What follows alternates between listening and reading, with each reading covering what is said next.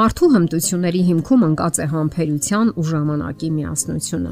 Ամեն ինչ գալիս է իր ժամանակին նրանց համար, ովքեր կարողանում են սпасել։ Սրանք Բալզակի խոսքերն են։ Ինչպես հասնել միաբանության։ Հարց, որ հուզում է բոլոր ամուսնական զույգերին։ Շատերն ասում են. մենք այնքան տարբեր ենք, որ երբեք չենք կարող միաբան լինել սակայն տարբերություններն ավելի շուտ լրացնում են միմյանց։ Բոլոր մարդիկ էլ տարբեր են։ Երկու միանման մարդ չկա այս աշխարհում։ Ձեզ անհրաժեշտ է միասին քայլել կյանքի բոլոր իրավիճակներում, ունենալով սակայն սեփական անհատականություն։ Ոչ մեկին չի հետաքրքրում թույլ եւ անկամ մարդը, որը կարծես դիմացինի ստվերը լինի։ Ընդհանրապես կյանքի ընթացքում փոխվում է նաև մարդու բնավորությունը։ Տեղի են ունենում փոփոխություններ, որոնց հետ հարկավոր է հաշվի նստել։ Անընդհատ մտածեք ինչ կարող եք անել, որ դուր գաք դիմացինին եւ արեք դա անկեղծ, վստահ լինելով, որ դիմացինը կհասկանա։ Երբ դա դառնա պարզապես սովորություն, այդպես դուք կարող եք ապրել երկար տարիներ եւ չձանձրանալ իրարից։ Նաեւ հիշեք, որ դուք միասին մի ամբողջ կյանք եք ապրելու եւ հաճախակի կրկնեք Ռեմարկի ստեղծագործության հերոսի խոսքերը։ Երջանկությունն այն բանի, որ մենք դեռևս շարունակելու ենք միասին ապրել։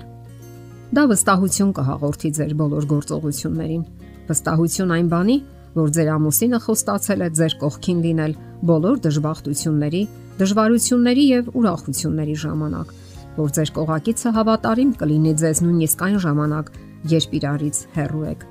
Դուք վստահություն կզգաք այն բանից, երբ գիտեք, որ նա միշտ ձեր կողքին է։ Համատեղ կյանքի ընթացքում իհարկե կլինեն տարաձայնություններ։ Պարզապես կարիք չկա բորբոքվելու եւ լուն ուխտ դարձնելու Նման դեպքերում օգտակար է կլոր սեղանի շուրջ քննարկումները։ Զրույցների միջոցով փորձեք շտկել իրավիճակները։ Ընթունեք ձեր սեփական սխալները։ Ցավոք, ամենադժվարը միշտ էլ մնում է սեփական սխալներն ընդունելը եւ դրան համապատասխան վարվելը։ Ավանդական ընտանիքներում դա համարվում է տղամարդուն անվայել։ Դե իսկ կանայք էլ առանձնապես աչքի չեն ընկնում իրենց սխալներն ընդունելու առումով։ Սակայն դա անհրաժեշտ է, եթե ցանկանում եք հասնել միաբանության։ Հիշեք, որ երկխոսությունը օգնում է ավելի լավ հասկանալու իրար։ Իսկ հասկանում են այն դեպքում, երբ այդ զրույցների ժամանակ որևէ մեկը իշխող, ճնշող դիրք չի գրավում։ Դարերի ընթացքում տղամարդիկ ճնշող դիրք են գրավել, որը կապված է եղել նրանց սոցիալական գերակա դիրքից եւ այսպես ասած կարեւորությունից։ Սակայն այսօր ժամանակներն այլ են եւ հարկավոր է գնալ փոխհմբռնման ուղիով։ Նույնիսկ վեճերի ժամանակ պետք չէ սпарնալ, որ կբաժանվեք, եւ թե որքան մարդիկ էին նախկինում գժվում ձեզ համար։ Իսկ ընդհանուր առմամբ հարկավոր է պարզապես խուսափել բաժանություն գաղափարից։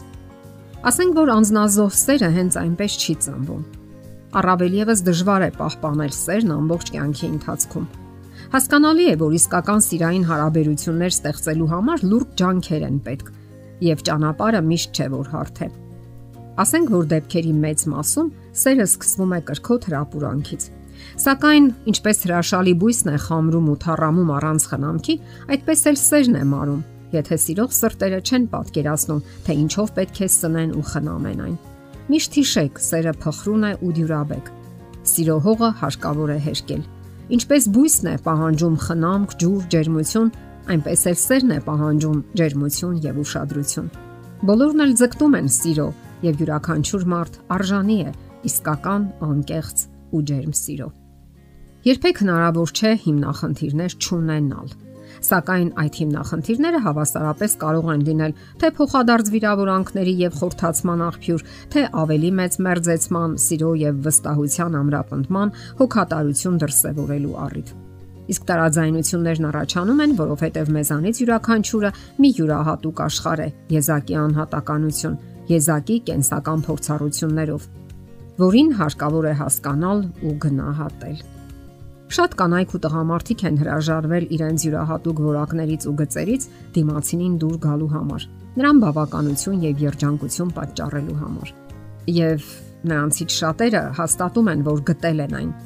եւ համարյա ոչինչ չեն կորցրել։ Կենսական հորձանուտներում դիմանալու համար անհրաժեշտ են զոհաբերություններ, առանց դրա երջանկություն գոյություն չունի։ Շատ զույգեր կարող են վկայել, որ անznազողությունն ու նվիրաբերումը բարելավել է ամենաբարդ եւ լարված փոխհարաբերությունները։ Իսկ գոյություն ունեցող տարբերությունները ոչ թե վատն են, այլ պարզապես տղամարդն ու կինն ունեն յուրահատուկ կերտվածք, մտածողություն, աշխարհանկալում եւ այլն։ Դա նույնիսկ լավ է եւ գեղեցիկ, այլ ոչ թե տարաձայնության աղբյուր։ Հարկավոր է ընկալել դիմացինի աշխարհը, սատարել, օգնել։ Այդ ճանապարհը հուսալի է եւ փորձված։ Իսկ ահա բռնանալը, սեփականը պարտադրելը երբեք առանց անկեղծության երբեք հնարավոր չէ միաբանության հասնել։ Իսկ խափեության դեպքում զույգը կորցնում է հարաբերությունների անկեղծությունը եւ նրանց կյանքը վերածվում է համատարած կեղծիքի կամ անվստահության։ Webster-ի նշանավոր բառարանում խափեություն բառը այսպես է սահմանվում. Զրկել ինչ որ արժեքավոր բանից կեղծիքի կամ խափեության օգնությամբ։ Եվ կեղծելով դուք դիմացինին զրկում եք եւ ճշմարտությունն իմանալուց եւ շատ կարեւոր բաներից։ Դե ի՞նչ, դուք ձգտում եք ներդաշնակության, որ ունեք այն համատեղ ուժերով ու ջանքերով։